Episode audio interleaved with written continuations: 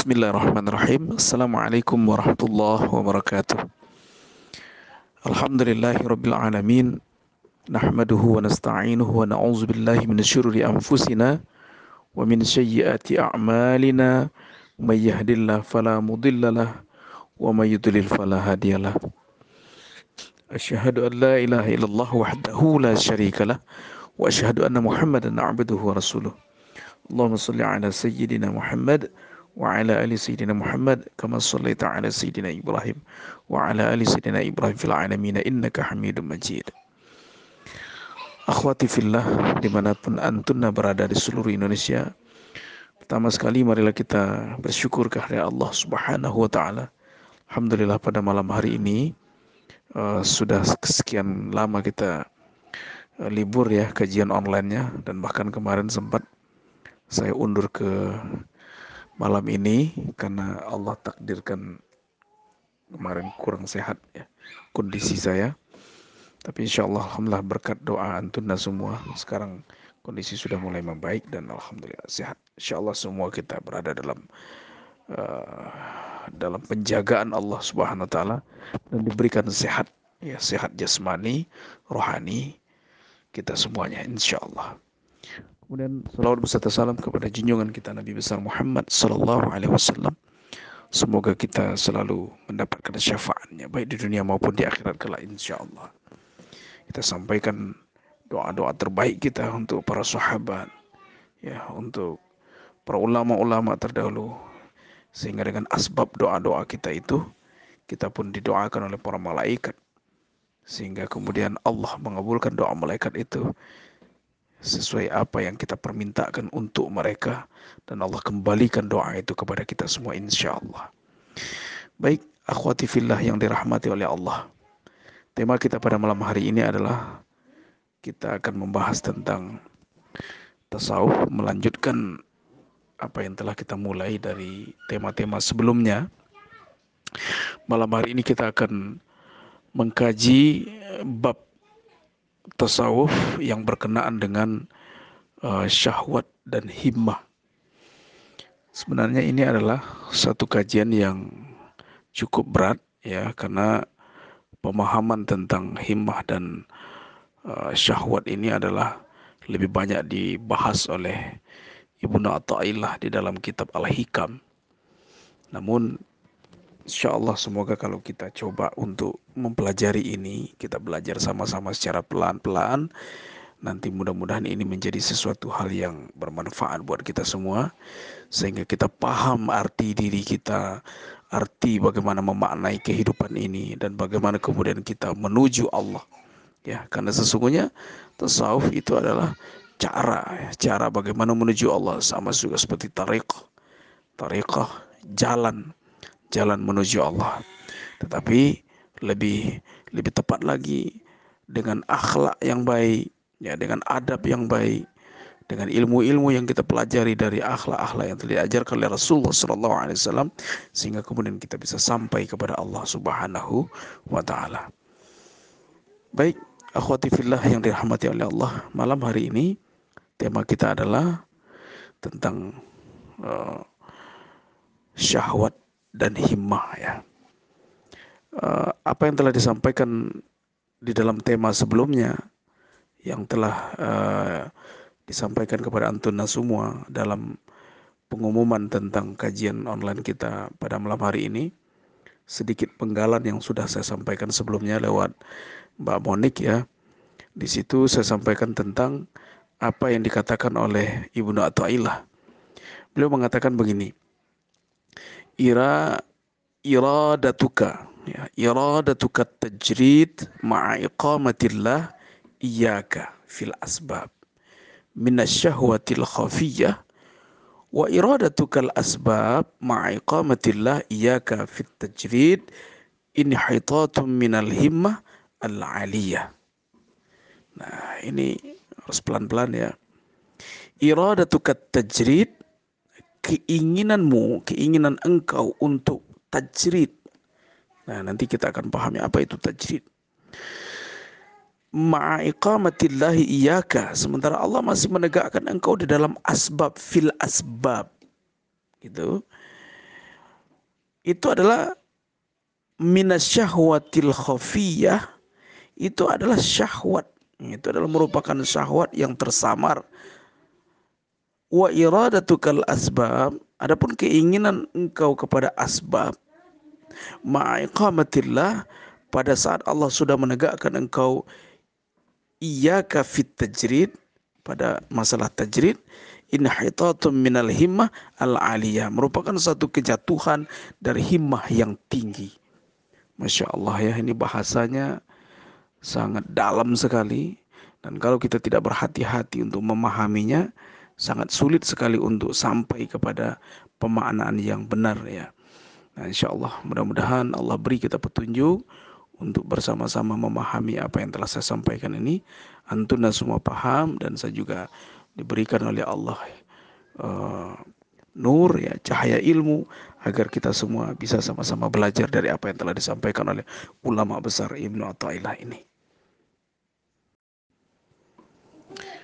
Baik, akhwati yang dirahmati oleh Allah, dalam memahami apa yang disampaikan oleh Ibnu Athaillah ini tentang pasal uh, syahwat dan himmah ini, ada beberapa kalimat-kalimat yang harus kita pahami terlebih dahulu sehingga kemudian nanti dengan mudah kita bisa pahami insya Allah ya secara pelan-pelan. Yang pertama adalah kita harus paham dulu apa itu tajrid ya. Ini ada istilah-istilah yang mungkin aneh masih di telinga kita. Yang pertama adalah istilah istilah tajrid. Apa itu tajrid? Ya, nanti kita akan bahas itu tajrid. Kemudian yang kedua asbab. Apa pula itu asbab? Ya. Kemudian syahwat, apa itu syahwat dan kemudian ada istilah himmah. Nah, walaupun tema kita syahwat dan himmah, tapi ada kalimat atau istilah tajrid dan istilah asbab. Nah, ini yang harus kita coba pahami satu persatu, ya. Nah, yang pertama tajrid. Ya. Apa itu tajrid? Sebenarnya tajrid ini kalau kita artikan secara bahasa dia itu artinya adalah melepaskan ya atau menanggalkan atau memurnikan atau pemurnian di tajrid itu adalah pemurnian atau pelepasan gitu. Ya. Pelepasan apa? Melepaskan jiwa kita atau nafsu ya, nafas-nafas bukan nafsu dalam arti konotasi syahwat atau sesuatu yang kepada materi itu bukan itu ya tapi nafs nafas diri jiwa nafsu diri atau dalam bahasa Arabnya nafsi diri ya melepaskan diri dari aspek dunia gitu jadi kalau dalam kitab Minhajul Abidin itu dikatakan bahwa tajrid itu adalah melepaskan diri kita dari sesuatu hal yang bersifat duniawi jadi diri kita itu tidak lagi merasa berkepentingan terhadap hal-hal yang bersifat duniawi. Nah, itulah tajrid. Nah, ini istilah yang pertama yang harus kita pahami. Kemudian yang kedua asbab. Asbab ini adalah sebab-sebab atau uh, asbab uh, kalau lebih tepatnya bahasa yang bisa kita pakai adalah sunatullahnya. Ya sunatullahnya. Sesuatu yang bersifat sunatullah. Ya. Ada sebab, ada akibat. Seperti ketika Anda berhujan-hujan atau berpanas-panas, daya tahan tubuh tidak kuat, ya, daya tahan tubuh tidak kuat, maka kemudian datang sakit. Nah, sakit itu asbabnya adalah karena daya tahan tubuh tidak kuat disebabkan oleh berpanas-panas dan berhujan-hujanan. Begitu juga contoh yang lain seperti kita kena misalnya ada saudara-saudara kita yang kena corona ya hari ini kena virus gitu ya. Apa sebab? Sebabnya adalah karena tidak pakai masker atau kemudian tidak cuci tangan lalu tertular oleh orang lain yang kebetulan terkena positif virus corona. Ini asbab. Jadi ada sebab, ada asbabnya yang kemudian mengakibatkan sesuatu terjadi. Nah, ini asbab. Ya. Nah, Allah menempatkan dunia ini adalah sebab akibat. Jadi dunia ini adalah sebab akibat, gitu. Jadi ketika seseorang kemudian memiliki keluarga, kemudian beristri atau bersuami, lalu kemudian dia punya anak. Ini adalah asbab. Ini adalah dunia ini sebab tempatnya asbab, sebab dan akibat. Nah, ini dia disebut dengan asbab. Ini pemahaman tentang istilah asbab. Nah, sekarang kita pahami lagi istilah syahwat atau syahwah ini dalam bahasa syahwah, syahwatun atau syahwat. Syahwat itu kalau dalam kitab Minhajul Abidin dikatakan adalah satu keinginan ya. Keinginan yang kuat gitu. Keinginan yang kuat dalam maknanya merupakan bentuk-bentuk materi yang bersifat dunia gitu seperti harta, makanan gitu ya. Nah, ini ini syahwat. Ini bedanya syahwat. Seperti keinginan kepada lawan jenis, ini syahwat. Nah, kebalikan daripada syahwat adalah nafsu. Nah, atau disingkat dengan nafs, ya, nafs adalah keinginan atau bentuk-bentuk yang non non materi kalau nafsu ya. Seperti sombong ya, angkuh gitu. Uh, merasa bahwa dirinya direndahkan Nah ini Nah, ini yang bersifat nafsu seperti itu, syahwat, nafsu. Itu bedanya syahwat dengan nafsu. Jadi berbeda ya, nafsu dengan syahwat. Terus kemudian himmah, apa himmah? Himmah itu sebenarnya adalah lawan kata syahwat. Ya. Kalau syahwat itu adalah yang bersifat materi, ya, yang bersifat konotasi negatif, harta, materi, jabatan, itu adalah syahwat. Sementara himmah adalah sesuatu keinginan yang sangat dahsyat, ya, keinginan yang sangat tinggi, ya, untuk bisa sampai kepada Allah Subhanahu wa taala. Inilah yang disebut dengan himmah. Jadi kalau syahwat itu adalah sesuatu yang bersifatnya rendah. Nah, rendah gitu ya. Kalau seseorang mengikuti syahwat, ia bisa lebih rendah daripada binatang. Tetapi kalau seseorang yang mengikuti himmahnya, ia bisa lebih tinggi daripada malaikat. Nah inilah yang disebut dengan kemuliaan Allah yang diberikan kepada manu, manusia. Jadi kalau manusia itu ketika dia bisa menjadi seseorang yang betul-betul baik dalam pandangan Allah, dia bisa mengendalikan dirinya, dia bisa sampai kepada tingkat atau martabat yang lebih tinggi daripada malaikat mulia, sangat mulia sekali. Tetapi kalau manusia itu sudah dikendalikan oleh syahwatnya, ia bisa bahkan lebih rendah daripada bina binatang. Nah, ini istilah-istilah ini kita harus pahami satu persatu. Silakan nanti Antuna diulang lagi rekaman ini ya, apa yang saya sampaikan ini sehingga kemudian pelan-pelan kita bisa pahami satu persatu kajian pada malam hari ini insyaallah. Akhwat fillah yang dirahmati oleh Allah, mudah-mudahan kita bisa memahaminya dengan dengan mudah ya malam hari ini. Jadi begini, bab tentang himmah dan syahwat ini ya ada kalanya seseorang itu sudah ditempatkan oleh Allah pada makom tajrid tapi kemudian dia menginginkan makom asbab. Nah, gitu ya. Maka sesungguhnya itu adalah sesuatu hal yang hina sebenarnya karena Allah telah menempatkan ia pada makom tajrid gitu ya. Allah telah tempatkan ia pada makom tajrid sementara ia menginginkan asbab. Dia masih berkehendak kepada sesuatu yang diasbabkan sesuatu uh, sesuatu yang terkait dengan asbab. Atau sebaliknya ya ada kalanya Allah telah menempatkan sesuatu itu pada makam asbab. Dia memang masih pada makom asbab sebab ya ya dalam kurun tertentu misalnya seperti mencari nafkah, mengurus keluarga, ya berikhtiar dan segala macamnya itu adalah makom asbab. Ya, makom asbab itu adalah sesuatu yang sifatnya pada pada perihal-perihal yang am ya umum. Masya Allah gitu ya kita ini sebenarnya adalah masih berada pada makom asbab ya dan kita tidak tahu kapan sebenarnya Allah akan berikan kita pada makom tajrid Nah, ketika Allah masih memberikan kita pada makom asbab, tetapi ia merasa bahwa dirinya telah sampai pada makom tajrid, ya, orang ini disebut sebagai seseorang yang bersyahwat gitu. Ya berkeinginan sebagai syahwat yang samar. Ya orang yang terlalu bernafsu untuk kemudian mencapai makom tajrid tapi sebenarnya makomnya masih makom asbab.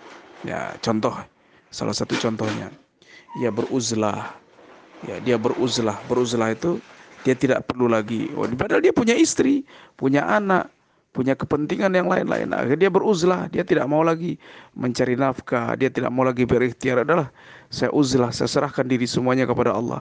Padahal sebenarnya makomnya masih makom asbab, tidak bisa begitu. Dia belum memiliki keyakinan dan keingin ke keyakinan atau Allah belum menempatkan dia pada makam tajrid. Nah, yang terjadi apa? Yang terjadi adalah fitnah kepada dirinya sehingga kemudian akhirnya uh, dirinya menjadi menjadi rusak, keluarganya menjadi rusak dan uh, yang terjadi adalah malah dia salah jalan gitu ya. Nah, kemudian ada orang yang memang Nah ini makom tajrid. Makom tajrid itu Allah telah berikan satu rahmat kepada dirinya. Bahwa sebenarnya ia sudah berada pada makom tajrid. Gitu. Dia nggak perlu lagi sesuatu yang bersifat asbab. Dia nggak perlu lagi sesuatu yang bersifat abab, asbab atau sunatullah itu sebenarnya. Semua telah disiapkan oleh Allah. Kapan dia minta Allah telah siapkan. Inilah keyakinan yang sangat tinggi kepada Allah. Ingat cerita tentang uh, Imam Syafi'i dengan uh, guru beliau. Ya. Uh, guru Imam Syafi'i siapa? Guru Imam Syafi'i adalah uh, Maliki ya. Imam Malik. Ya. Imam Malik suatu ketika bertamu kepada Imam Syafi'i. Nah, pada saat itu kemudian terjadi dialog. Terjadi dialog soal rezeki. Ya, soal ikhtiar dan rezeki. Imam Malik bertanya kepada Imam Syafi'i, "Wahai Syafi'i, eh, bagaimana pemahaman engkau, pandangan engkau tentang rezeki?" Syafi'i berkata bahwa rezeki menurut saya adalah harus diikhtiarkan. Saya harus berusaha setelah saya belajar, setelah saya mengkaji kitab-kitab Allah, ilmu-ilmu Allah, saya harus pergi ke pasar dan berusaha, berikhtiar, bekerja secukupnya, lalu kemudian pulang membawa hasil, membeli makanan dan akhirnya saya mendapatkan rezeki dengan ikhtiar. Lalu kemudian Imam Malik berpandangan sebaliknya. Beliau memahami bahwa rezeki tidak demikian. Rezeki itu sudah ditanggung oleh Allah dan beliau serahkan semuanya kepada Allah. Ini makam tajrid gitu makam tajrid bahwa sepenuhnya dia yakin bahwa Allah telah menjamin rezekinya dengan ikhtiar atau tanpa ikhtiar pun sebenarnya Allah pasti jamin rezekinya. Nah, sulit bukan untuk memahami ini dan rasanya kalau kita belum sampai kepada makom ini jangan coba-coba gitu ya.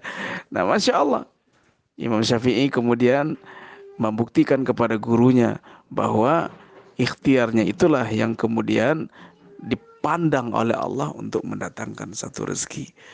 Ya, satu ketika ini guru, saya datang kepada engkau, sebaliknya Imam Syafi'i yang bersilaturahim ke rumah gurunya Imam Malik, lalu kemudian membawa satu pot satu buah kurma gitu ya, satu buah kurma untuk kemudian uh, dimakan oleh gurunya pada pagi hari itu, ya untuk bertamu ke rumah gurunya, begitulah. Masya Allah, apa kata Imam Malik? Subhanallah, Syafi'i. Ya, padahal tadi pagi saya baru saja berkeinginan untuk memakan buah kurma. Dan saya berserah diri kepada Allah bahwa rezeki akan memakan buah kurma itu benar-benar akan didatangkan oleh Allah kepada saya. Dengan ikhtiar atau tanpa ikhtiar Allah akan datangkan. Subhanallah tidak lama kemudian engkau datang dan membawakan kurma ini kepadaku dan saya mendapatkan rezeki tersebut. Masya Allah. Ini adalah contoh. Ya ini adalah contoh tajrid ya dan asbab. Ya. Masya Allah. Jadi intinya begini. Intinya begini ada dua tingkatan di situ. Tingkatan pertama adalah bahwa seseorang yang masih ya masih keyakinannya belum mantap dan belum total kepada Allah bahwa rezeki itu benar-benar dijamin oleh Allah Subhanahu wa taala. Itu tentang perihal rezeki saja ya. Kan babnya banyak itu tentang rezeki, tentang takdir ya, tentang uh, yang lainnya, ilmu dan segala macamnya. Segala sesuatu yang bersifat masih diikhtiarkan itu dia masih memahami ikhtiar di situ, ya, maka sesungguhnya dia masih berada pada makom asbab. Tetapi kalau ada orang yang kemudian ya dia tidak lagi perlu ikhtiar, ya, dia nggak perlu lagi ikhtiar, dia benar-benar sudah pasrahkan semuanya kepada Allah, terserah Allah saja, terserah Allah saja. Ikhtiar ada, ada ikhtiar, tapi ikhtiar tuh dia tidak lagi bergantung kepada ikhtiar gitu, gitu ya ya dia tidak lagi bergantung kepada ikhtiar. Kalaupun dia ikhtiar, ikhtiar itu adalah hanya sebagai bagian dari ibadah saja untuknya. Bukan sesuatu hal yang men, yang menyebabkan dia merasa bahwa dengan ikhtiar itu rezekinya akan datang. Contoh, ketika antum misalnya antuna misalnya punya toko gitu ya, usaha apa, bagi orang yang sudah sampai kepada makom tajrid, dia lakukan saja ikhtiar itu ya dia lakukan ikhtiar, ya berusaha, tapi dia tidak lagi bergantung kepada ikhtiarnya untuk mendapatkan ya mendapatkan hasilnya. Tetapi bagi orang yang asbab, ya orang yang masih pada makom ya makom asbab itu ikhtiar itu benar-benar menjadi sesuatu hal yang maksimal buatnya.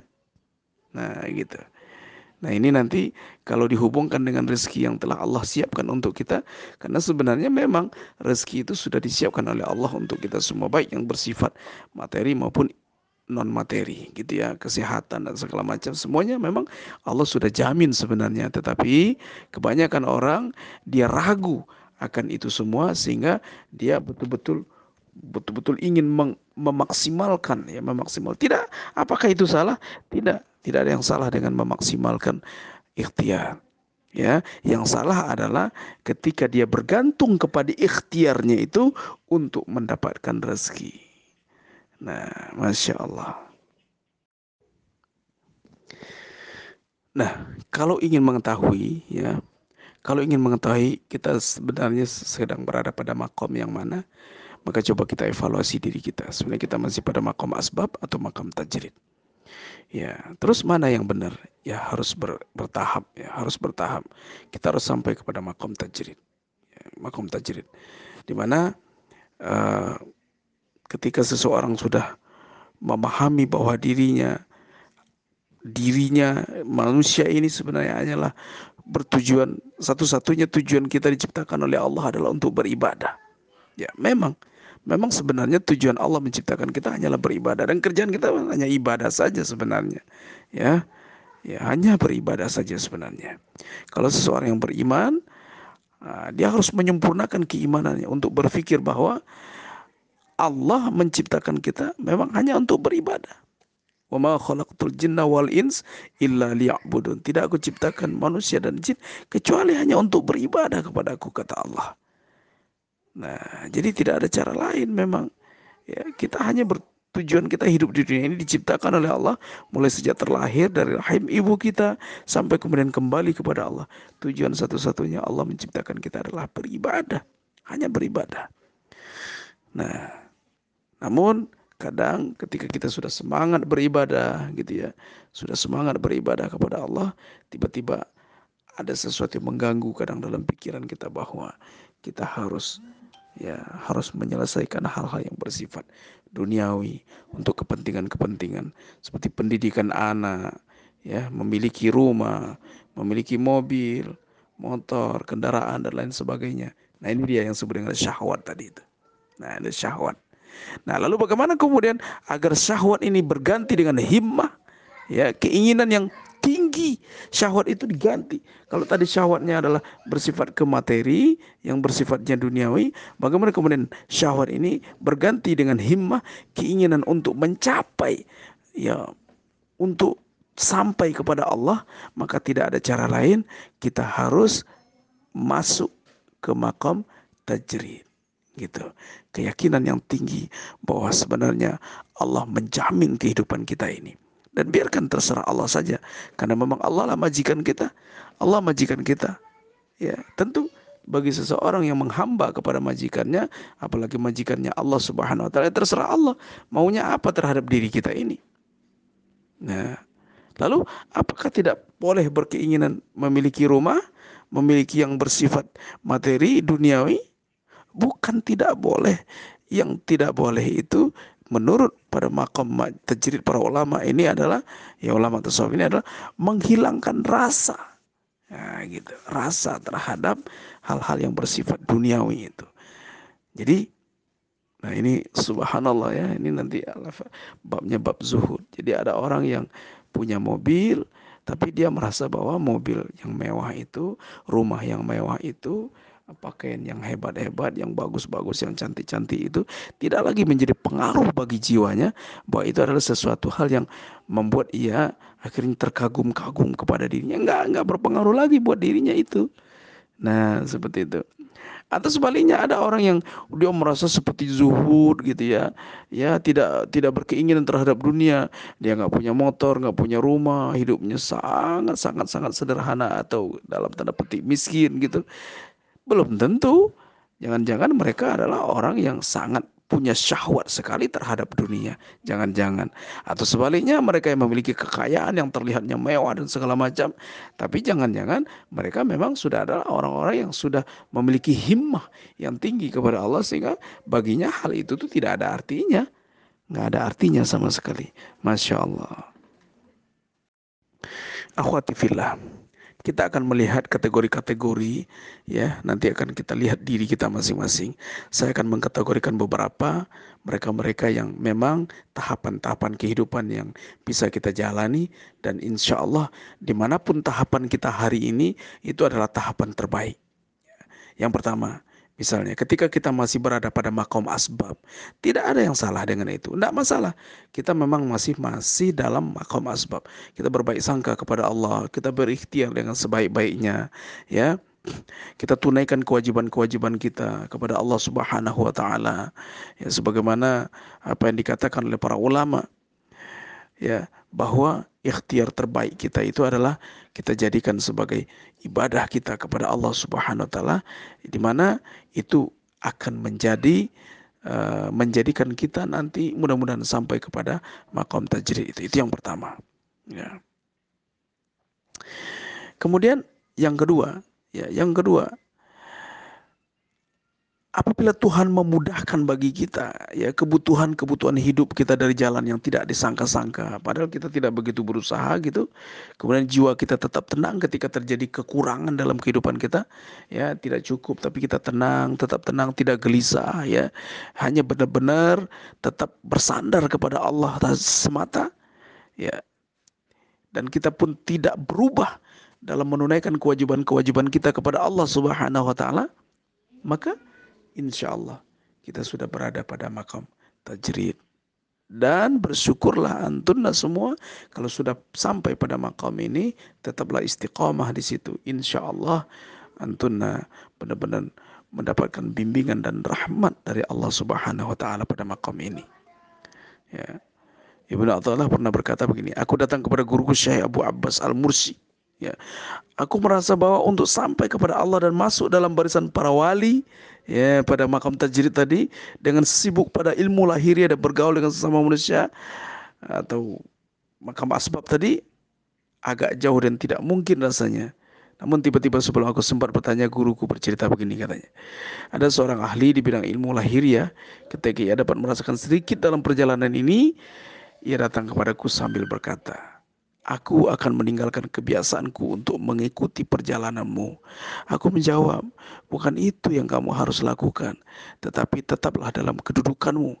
Sedang apa yang akan diberikan Allah kepadamu pasti sampai kepadamu. Ya, ini kata Ibnu Athaillah. Maksudnya apa? Kita tidak perlu ya, tidak perlu menggebu-gebu bersyahwat untuk sampai kepada makom tajrid. Enggak. Biarkan Allah yang menempatkan kita pada makam itu. Itu enggak perlu dicari-cari. Biar saja. Biar saja. Nah, kuncinya di mana? Kuncinya adalah kita harus ikhlas pada makam asbab. Ya, kita harus ikhlas pada makam asbab. Menjadi orang yang berikhtiar dengan ikhlas. Ya, tanpa kemudian mengeluh kepada Allah. Ya, kita ikhtiar dengan maksimal. Dan niatkan ikhtiar itu ibadah hanya semata-mata bersandar kepada Allah dan insya Allah ketika kita sudah merasa bahwa ikhtiar ini tidak ada apa-apanya, ini hanyalah sekedar ikhtiar, Ini hanya sekedar ikhtiar, sementara semuanya sudah disiapkan oleh Allah. Ikhtiar itu hanya asbab saja. Maka mudah-mudahan perlahan-lahan Allah telah menempatkan kita pada makom tajrid dan Allah lah yang menjamin semuanya kebutuhan kita dalam kehidupan dunia ini. Masya Allah. Dan kalau kita sudah sampai kepada makam ini, insya Allah inilah makamnya para para wali Allah. Ya orang-orang yang istimewa dalam pandangan Allah Subhanahu wa taala. Baginya keyakinan kepada Allah itu adalah sudah keyakinan yang paling tinggi. Tidak ada lagi dalam kehidupan ini di atas itu, ya, tidak ada lagi keinginan yang terhadap dunia, yang ada hanyalah bagaimana kemudian ia datang kepada Allah, sampai kepada Allah, ya. Tujuannya di dunia ini adalah Allah semata sebagaimana apa yang dikatakan dalam Al-Qur'an itu beribadah. Wa ma khalaqtul jinna wal ins illa liya'budun. Itu hanya beribadah kepada Allah beribadah kepada Allah dan tujuannya adalah Allah Allah Allah Allah saja. Tidak ada yang lain. Masya Allah Wallahu alam bisawab Subhana rabbika rabbil izzati amma yasifun. Wassalamualaikum warahmatullahi wabarakatuh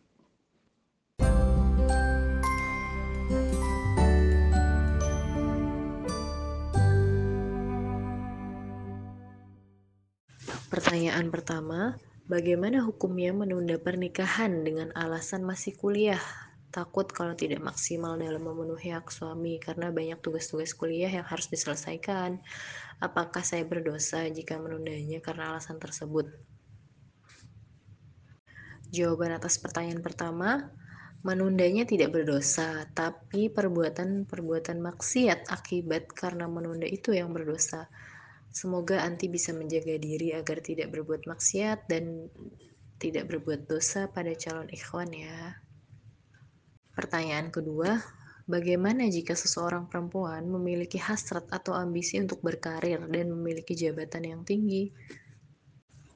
Jawaban atas pertanyaan kedua, luruskan niat. Jangan lupa tujuannya adalah mencari ridha Allah Ukurannya adalah ridha Allah. Jika tujuannya adalah dunia, ketenaran, dan yang seumpamanya, maka dia telah salah. Dan yang terpenting lagi adalah setinggi apa pun status karir perempuan, dia tidak boleh lupa kodratnya sebagai seorang perempuan yang akan menjadi seorang istri dan ibu. Pertanyaan ketiga, kakak saya belum menikah dan berumur 29 tahun, sementara usia saya 25 tahun, tapi hasrat untuk menikah lebih besar saya masih maju mundur untuk mencari pendamping hidup. Takut orang tua masih melarang karena kakak belum menikah, tapi di sisi lain saya banyak godaan karena saya mudah akrab dengan lawan jenis. Mohon sarannya Ustadz. Jawaban atas pertanyaan ketiga, segera saja menikah. Minta orang tua mencarikan jodoh buat nanti. Komunikasikan dengan orang dengan cara yang baik.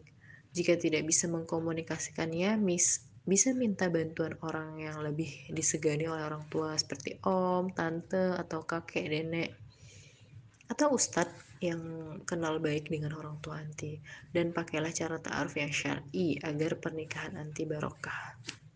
Pertanyaan keempat, uh, saya ingin mengajukan pertanyaan. Jika kasus dijodohkan seperti saya, saya pun dijodohkan oleh ustadz, tapi ustadz tidak mengenal si calon dengan baik katanya karena tidak ada proposal uh, ta'aruf juga. Si ikhwan atau cowoknya ini tidak memberikan keterangan yang terus terang tentang siapa dirinya. Dia dan keluarganya langsung datang ke rumah saya dengan meyakinkan sehingga salah satu orang tua saya langsung menyetujui saya saya istikharah tapi belum dapat jawaban. Dalam waktu 2 sampai 3 hari harus memberikan jawaban. Saya harus menerima karena usia saya yang sudah kepala tiga. Meski saya awalnya menolak karena belum yakin. Saya ingin diberi waktu untuk kenalan lagi tapi dijawab seperti ini. Kalau nggak cepat-cepat nanti dia akan cari perempuan lain dan usia saya sudah kepala tiga. Yang single bisa dihitung. Uh, mau cari yang bagaimana lagi? Padahal saya awalnya yakin bahwa Allah tidak akan pernah tidur. Tapi karena saya didesak seperti itu, akhirnya saya iakan. Tapi semakin ke sini saya was-was, sanksi, khawatir, takut, karena saya dengar kabar tentang masa lalunya yang menurut saya dia tutupi. Komunikasi kami juga tidak bagus. Saya sudah berusaha menyelami dan selalu sanksi dengan ucapannya. Kalau mau menolak, kata salah satu orang tua nggak baik. Saya sempat berontak untuk menolak. Saya dibilang anak durhaka, tapi orang tua justru pingsan, tidak sadarkan diri. Maka dari itu saya menerima dan melanjutkan kembali. Tinggal tiga hari menuju hari H. Bagaimana menghilangkan perasaan takut dan khawatir ini? Jawaban dari pertanyaan keempat, Bismillah. Jika anti sudah memutuskan, berhusnuzon saja pada Allah. Was-was itu dari syaitan. Jika Allah takdirkan beliau jodoh terbaik anti, pasti Allah akan jadikan semuanya baik. Jikapun tidak, maka Allah akan berikan jalan keluar terbaik untuk anti. Insya Allah.